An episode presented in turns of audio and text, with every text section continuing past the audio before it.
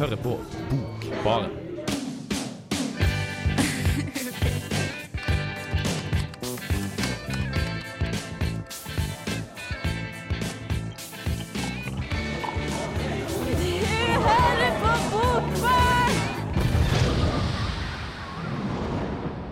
Hei, hei, hva det går i alle sammen?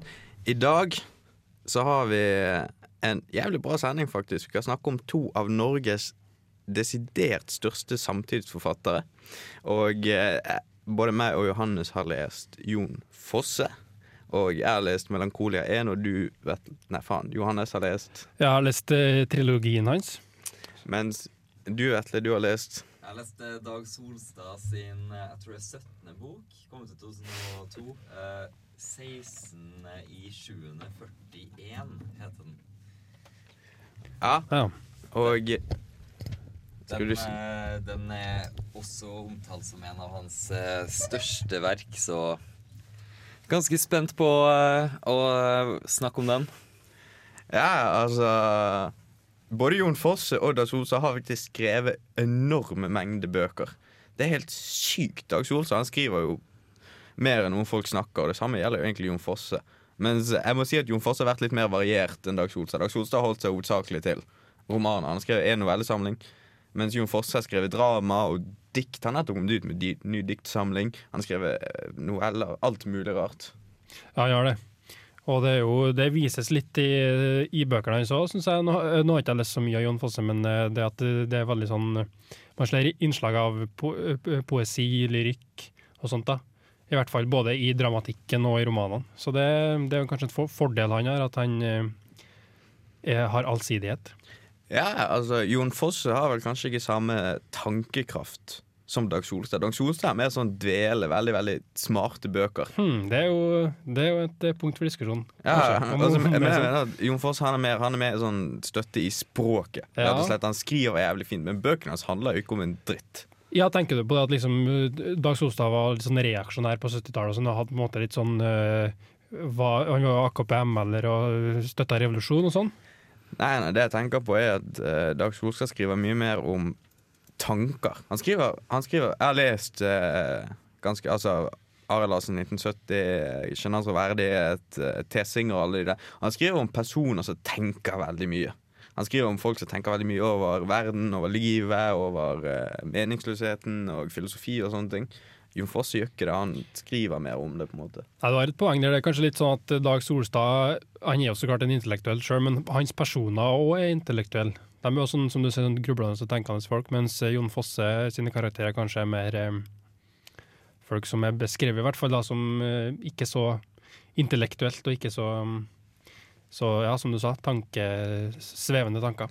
Men dette her skal vi komme tilbake til seinere. Nå skal vi høre en sang som du har lyst til å si noe om, Ja, Johannes. ja, ja, det ønsker meg den sangen her. Det er jo et, av et eh, jævlig bra band som folk må sjekke ut. Jeg kjenner et par av guttene i bandet her. Det Bandet heter Hey Wait, og låta heter Restless Days.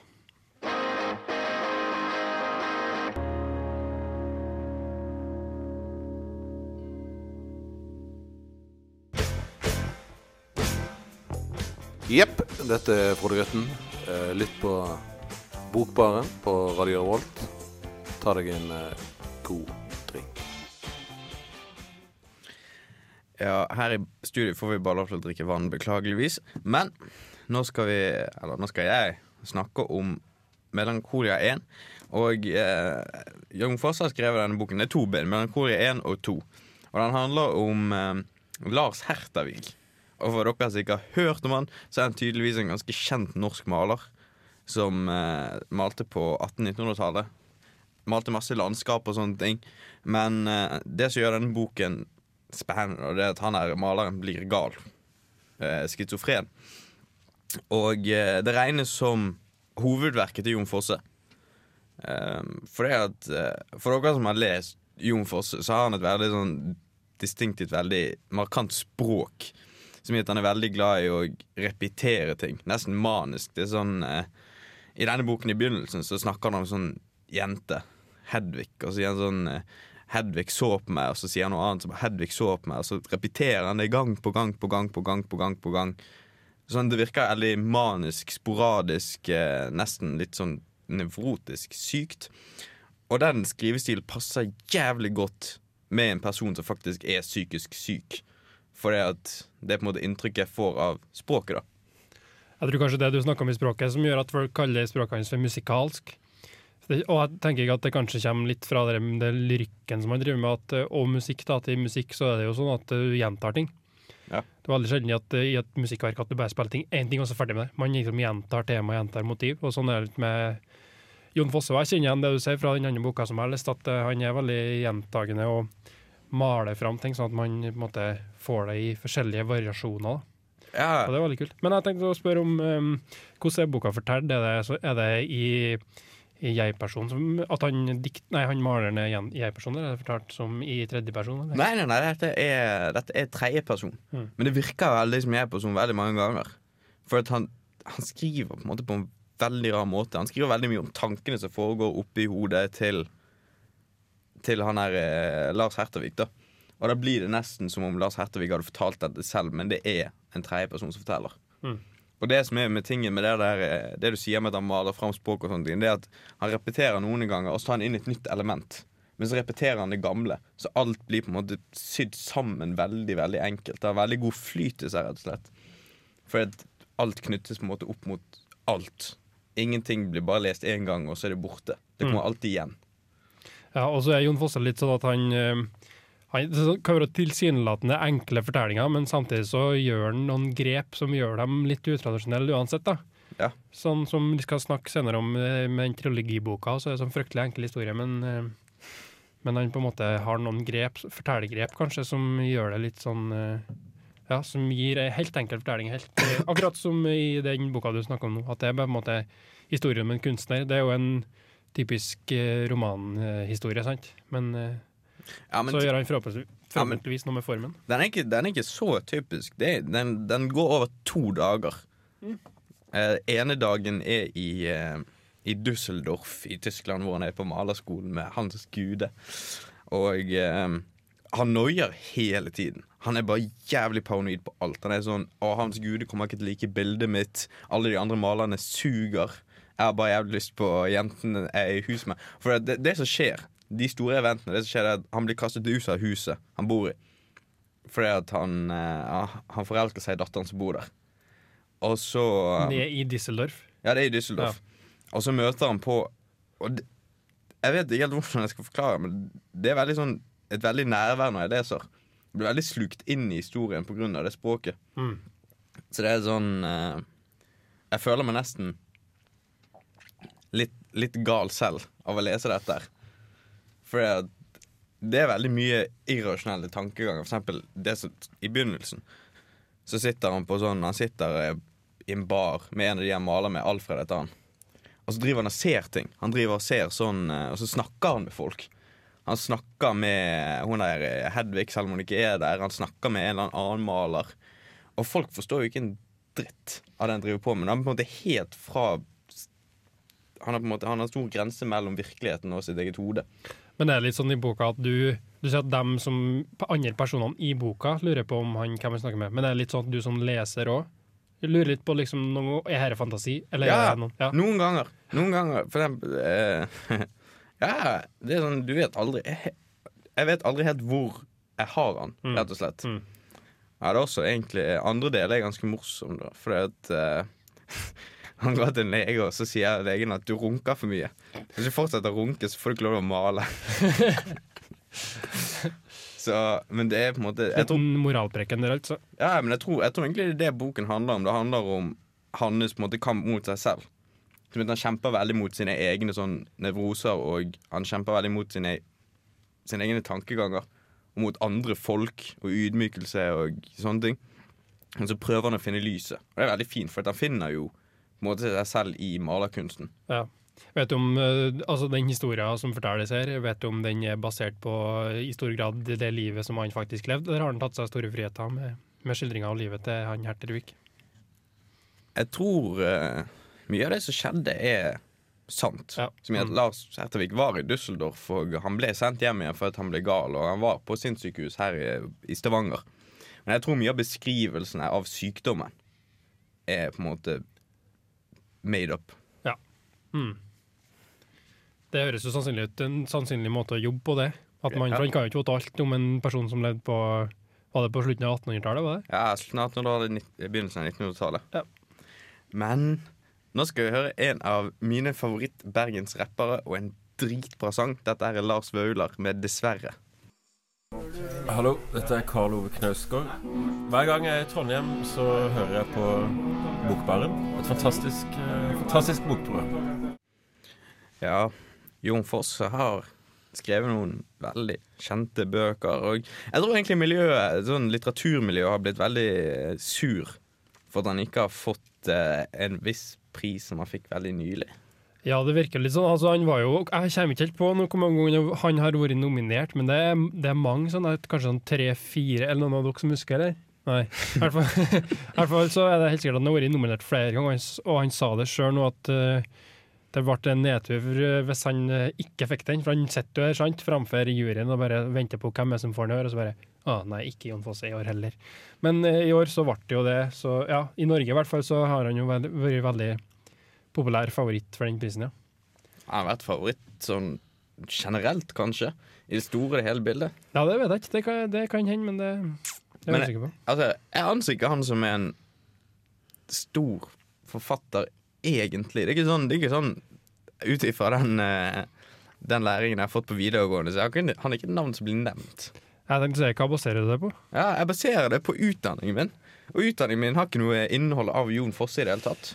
Det, der har du faktisk et poeng, men, øh, men jeg tror, det det jeg si, jeg tror han er veldig stor i utlandet. Så blant annet dramatikken hans er jo veldig, veldig sett opp til å, som nyskapende, tror jeg.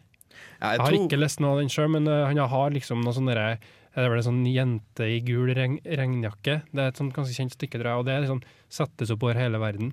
Så, men det er kanskje noe som eh, Altså, man leser Ibsen i grunnskolen, men eh, dra, dramatikk er kanskje ikke det store ja. som trekkes fram. Da. I hvert fall ikke ny norsk dramatikk. Kanskje derfor. Men nå eh, Nå har han jo eh, lansert ny bok, poesier, Ja. et eller annet. Faktisk er det så jævlig kult at han skrev han i eh, Henrik Wergeland sin bule. Mm. Som i huset hvor Henrik Wergeland bodde. Og så har han skrevet den som på en måte en vet- Hva skal du kalle det? Bearbeidelse, kanskje? Ja, eller mer sånn en dedikasjon Ja. til Henrik Wergeland sine verker. Ja, for det er på en måte han har drevet og lest Henrik Wergeland sine dikt, og så har han eh, Jeg leste et eh, intervju med Jon Foster, han sa at han hadde lest og drevet notert, eh, notert seg ting, da, og så hadde han på en måte omarbeidet og på en måte litt skapt sine egne ting, men samtidig tatt veldig inspirasjon da, fra Wergeland, og så kom ut med en diktsamling da, som heter Poesier, tror jeg han heter. Ja, men jeg tror, eh, jeg tror han har forenklet det sånn som han gjør med alt annet, egentlig. Gjort Ja. det enklere. Det er mulig, jeg har ikke lest den, så det vet jeg ikke, men, eh, men jeg står og ser på, inne, i, på den eh, Hva heter det? Melankoli. På, I Melankoleboka så står det oversikt over alle bøkene han ikke tar, og det som du nevnte tidligere, det er mye. Ass. Det er sikkert sånn her eh, Hva tror du? 20-25 bøker. Og det er Det er dikt og skuespill og kortprosa og essay og Jeg så på Wikipedia-siden hans, og Ja. da var eh, teksten skrevet om han den var kortere enn teksten som var bibliografien hans. Det var bare på med på. Han har skrevet essays også. Han har skrevet essays om eh, litteraturteori. Han er tydeligvis eh, doktorgradsstudent og sånne ting også. Han har, er han har veldig eh, Opp gjennom livet sitt så har han hatt veldig stort fokus på nettopp dette her med språk. Som gjør at selve historien er ikke så viktig. Det er hvordan du fremlager den, hvilket språk du bruker. Så jeg tror han er veldig sånn eh, fisefin på Be- språket bevisst, sitt, egentlig. bevi- bevisst på det. Ja, bevisst. Mm. Ja, men det er kanskje, jeg har ikke tenkt så mye på det før, men kanskje det er noe i det du sier, at han er kanskje ikke så anerkjent eh, Altså, Wikipedia-sida hans sier jo litt om hvor anerkjent han er blant eh, store massen. da. Hvis Wikipedia ikke bryr seg så mye om det, så er kanskje ikke folk så interessert i det. Men mens blant dem som er litteraturvitere, liksom interessert i litteratur, da, hvis du leser f.eks. Eh, Klassekampen eller Morgenbladet, sånn, som er ganske opptatt av kunst og litteratur, da, da de vier plass til Jon Fosse, sant, og er opptatt av han. Så det er kanskje litt sånn som dem som har litt peil på seiling. Du må rett og slett nå litt i dybden av litteraturen for å kunne eh, komme fram, fram til Jon Fosse, fordi at han er må, Jeg tror på en måte du må forstå litteratur litt for å forstå hvorfor han er så flink. Jeg tror ikke dette er noe for folk som Dette er ikke noe du setter deg ned med hvis du bare skal begynne å lese. Nei, altså jeg skjønner faktisk hva du mener der. For at jeg tenkte også jeg har lest den boka som jeg har lest, som jeg likte veldig godt. Men jeg merka jo det at det er ikke noe sånn uh, lettlest. det er sånn uh, den gir på en måte veldig mye, men, uh, men i forhold til en Hvis du tenker på at det skal konkurrere med en TV-serie, f.eks., som er liksom sånn cliffhangers og spenning, spenning, så det- da blir det veldig sånn eh, Som du sier, at eh, du må sette pris på litteratur og være interessert i hva litteratur kan være. Da, for at det er litt sånn Det er ikke helt mainstream heller. Pluss at uh, jeg tror TV-serier er mye enklere. For noen TV-serier kan du se, og så kan du vite at de er bra uten å få med deg alle de små detaljene. Som gjør at hvis du er hvis du ikke vet en dritt om TV, så kan du se den og tenke faen, det var en bra historie. Hvis du er jævlig flink på det med å se på TV, eh, så tenker du at oi, shit, de filmer bra. Manuset er bra, tekstene er bra. Musikk, ja. Ja, mens Jon Fosse det er ikke, Han har ikke noen bra historie, så det er ikke spennende med mindre du faktisk vet noe om litteratur. litteratur. Det er veldig teoretisk, på en måte. Føler også at eh, Fosse kanskje kommer til å overleve tida bedre enn mange andre forfattere, sånn selv om han ikke er største navnet som alle går og snakker om.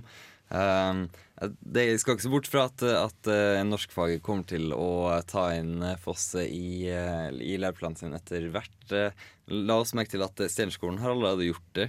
De satte opp Steinerskolen Trondheim satte opp den jenta i gul regnjakke i fjor.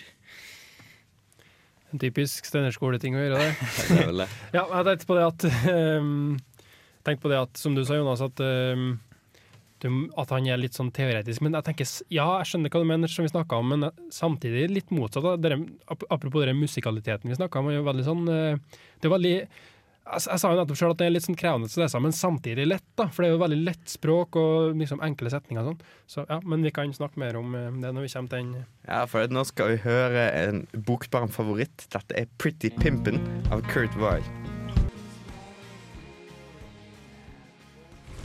Hei, jeg heter Johan Harstad, og du hører på Bokbaren. Ja um, Johannes, Mm. fortell litt om uh, den nyeste Eller kanskje ikke, det er en romantrilogi, men de nyeste bøkene til Jon Fosse.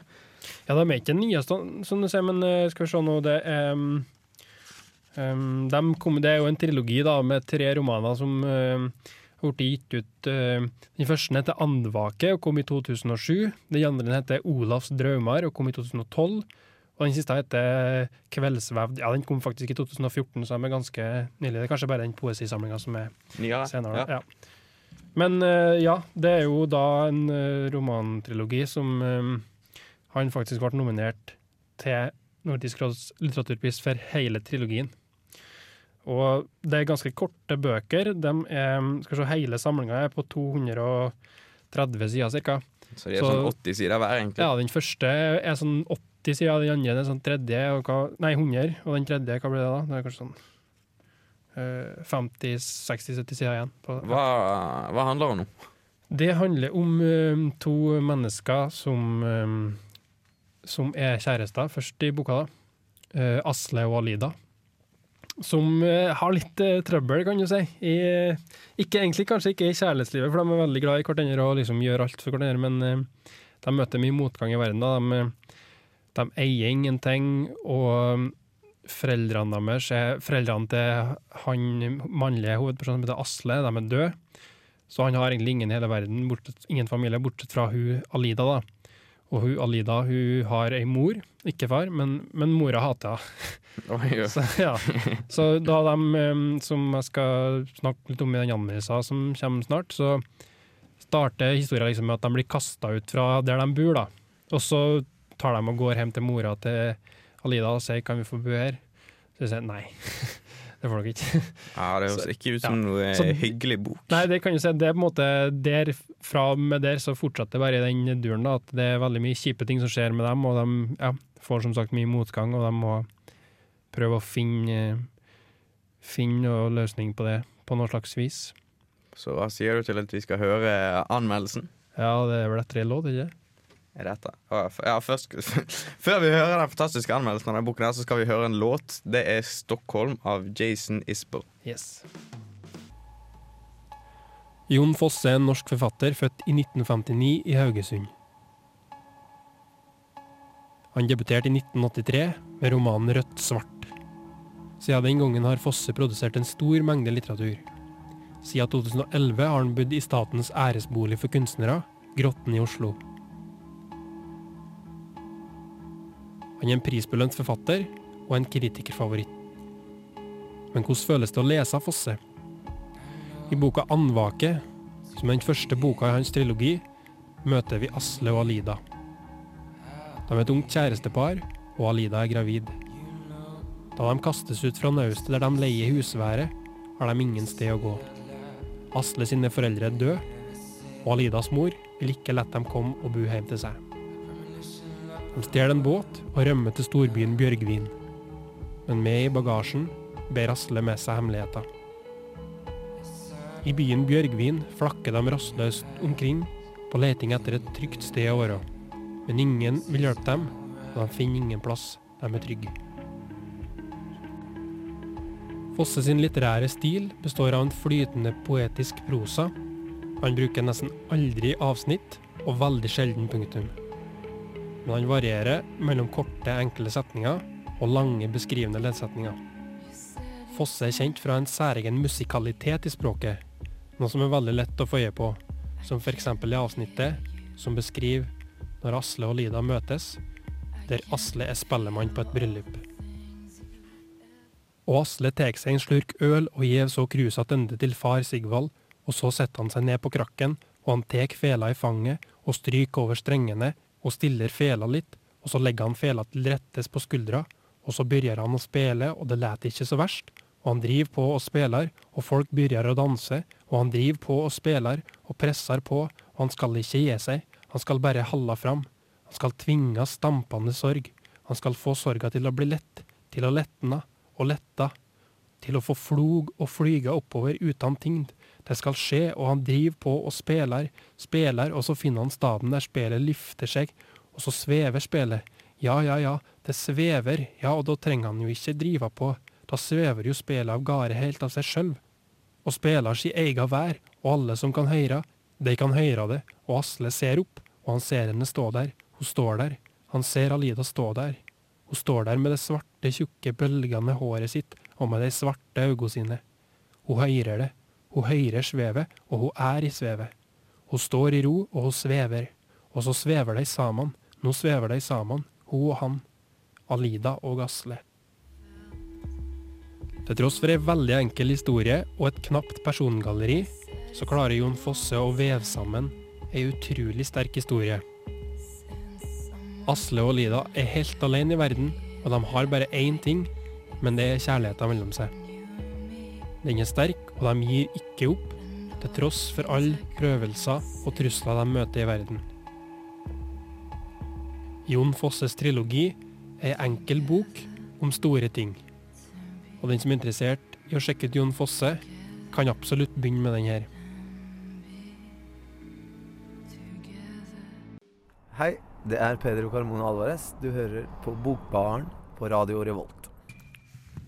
Ja, ja. Um, eh, nå har dere hørt den fantastiske anmeldelsen fra Johannes, og eh, selv om du sa sånn cirka hva du mente i anmeldelsen, er det noe du har lyst til å tilføye Ja, men kan om jeg, denne boken?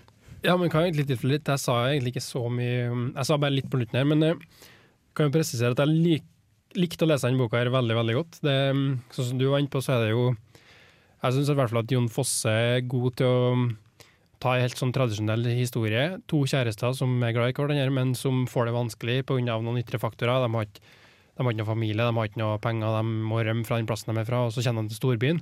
Det har de ingen, og de går rundt og leter etter plass være og sånn. Og så er jo oppe oppå toppen da, så er jo så klart dama gravid, da, og hun begynner å føde etter hvert og sånn. What the fuck, Hvorfor er hun? Midt ute i gaten? Ehm, nei da, de, de greier jo altså, ja, Nå skal ikke jeg kanskje avsløre så mye av plottet. Du kan ikke spoile Nei, for da spoiler jeg til jeg forklarer det. Men det, ja, hun, de finner seg et hus da, der hun kan um, føde til slutt. Men det jeg skulle si var at ja, det er jo sånn um, Det er jo ikke sånn banebrytende fortelling, høres ikke, høres ikke ut som. Men både språket til Fosse og det på en måte den litterære, litterære verden som han plasserer karakterene sine i, da, er veldig særegen. Det er litt sånn at um, det virker som at de karakterene Man får følelsen av at karakterene er veldig alene, da. For at det er veldig sånn eh, knapt eh, persongalleri. Du har jo Asle og Alida, som det handler om, de kjærestene. Og så har du omtalt eh, faren til Asle, som er død. Så han omtales litt, men han er jo ikke med i, i, det, i livet deres lenger. da. Så har du mora til, As nei, til Alida som hater henne, så det, hun er jo på en måte ikke så aktuell heller. Og så har du søstera til Alida som de har heller, ikke så godt forhold. Så de er veldig på en måte alene. Og ellers til karakterene, de dem de møter i byen og sånn, de blir omtalt som mannen, eller jenta, eller konen. Så hvis det kommer noen på gata, så er det sånn Mannen sa at Så sa mannen. Og det blir veldig sånn, eh, ja. De andre karakterene blir veldig upersonlige, tenker jeg da. Og Tror du han, eh, tror han bruker språket til å isolere hovedpersonen? ja, jeg tror det at han gjør det bevisst, ja. Ja og det som sagt, det skal frem til at det skaper et veldig sånn eh, særegent univers rundt de personene, og du føler på en måte at det eh, Det er kanskje et grep han gjør med tanke på kjærlighetshistorier. Man føler på en måte at det er kun dem i hele verden, og resten av verden bare flyter rundt der på sida, liksom. Og um, det er kanskje litt av greia at de kanskje føles sånn for dem, for de har bare hverandre og ingen annen. Um, tenk på det okay, at eh, men, men uh, Begynte du å grine av han? Det ser ut som en litt sånn sippebok, egentlig.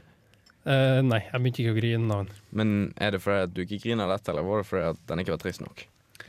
Um, det var nok eh, fordi at eh, det er ikke grin så lett av bøker, i hvert fall. Da. For at, Nei, nei, nei. nei. jo, for den var, den var litt ja, Jo, den var jo trist, men eh, og sånn sterk uh, skildra. Altså, man blir følelsesmessig grepet av det, og veldig sånn um, Leve seg inn i det, ja, men ja, nei, grein gjør jeg ikke. Men hva, hva synes du om denne, denne kontrasten mellom det veldig, veldig vakre språket og den helt for jævlig historien? Er det noe du tenker på når du leser boken?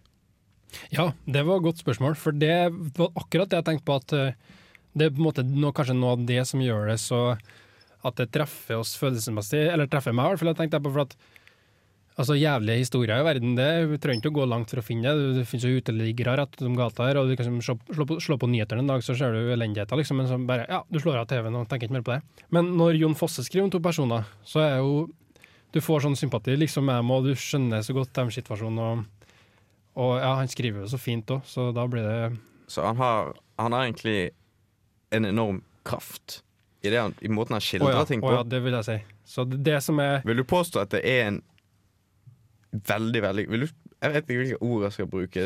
Et ord som betyr veldig bra, men som høres bedre ut. Eh, genialt. Eh, Ja, det Glitrende. enda et godt spørsmål der, altså, for at det, det er veldig sånn Som vi snakka litt om i stad, så er jo Jon Fosse veldig bejubla, og bakpå boka så står det sånn, sånn bilde av en terningkast seks, og så står det sånn eh, litterært sett der Jon Fosse i toppklasse, og ingen skildrer den skjøre kjærligheten som Jon Fosse. Så det er kanskje litt lett å bli sånn forutatt om at han er bra, men sånn jeg vil si, eh, Sett bort ifra det, vil, jeg- vil jeg si at jeg klarer å å si at eh, det er noe av det noe av den beste norske litt, samtidslitteraturen jeg har lest fra de siste 10-20 årene. I hvert fall noe av det beste.